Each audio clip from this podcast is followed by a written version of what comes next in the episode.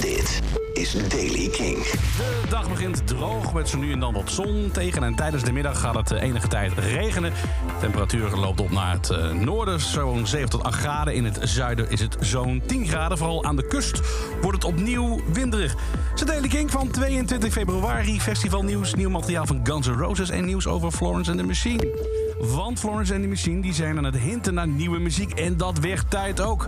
Even de recente Florence-geschiedenis in vogelvlucht. Nou, laatste album, High as Hope, kwam uit in 2018. 2020 werd er een nieuw nummer uitgebracht, Light of Love. En vorig jaar was er nog een nieuw nummer, Call Me Cruella, uit de Disney-film Cruella. Nou, um, de teaser die ze nu naar buiten brengen komt in de vorm van een roze envelop met daar het opschrift Florence and the Machine Chapter 1. Terwijl er binnenin een speelkaart zit met Florence op de voorkant en het woord King. Afwachten dus. Slash, gitarist van Guns N' Roses, heeft onthuld dat er binnenkort weer nieuwe muziek van Guns N' Roses komt. Het zou zelfs kunnen dat er binnenkort nieuwe nummers worden gespeeld tijdens hun tournee die zo rond de zomer gaat starten. Over het spelen en toeren met Guns N' Roses heeft hij nog iets uh, gezegd. Hij zegt: Het is namelijk geweldig. We kwamen weer bij elkaar. Het was echt een soort van reunie, maar wel met enorme vraagtekens. Maar het is allemaal gelukt. Al die jaren van negativiteit ligt achter ons. We zijn heel erg blij dat we weer met een nieuwe start bezig zijn.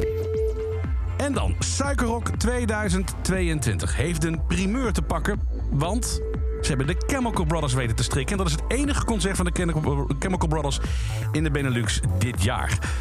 Uh, eerder werd aangekondigd dat het een uh, het laatste editie zou zijn, 2020, Suikerrock. Uh, gaat het toch dit jaar door? Suikerrock is een Belgisch muziekfestival in de binnenstad van Tiene. De naam is ontleend aan de suikerstad Tiene. Hier ligt namelijk de belangrijkste suikerraffinaderij van België. Dus dat festival Suikerrock gaat gewoon door met dus de Chemical Brothers.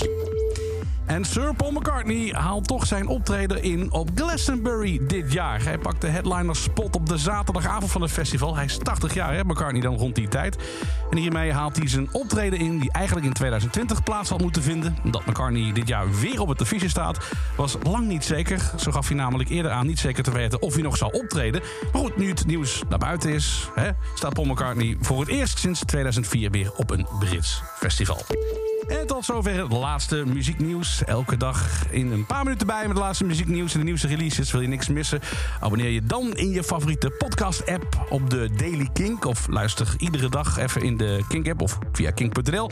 Sowieso, op Kink moet je zijn voor nieuwe muziek en muzieknieuws. Want die hoor je namelijk weer Iedere dag vanaf 7 uur bij Jasper Leidens in het programma Kink in Touch.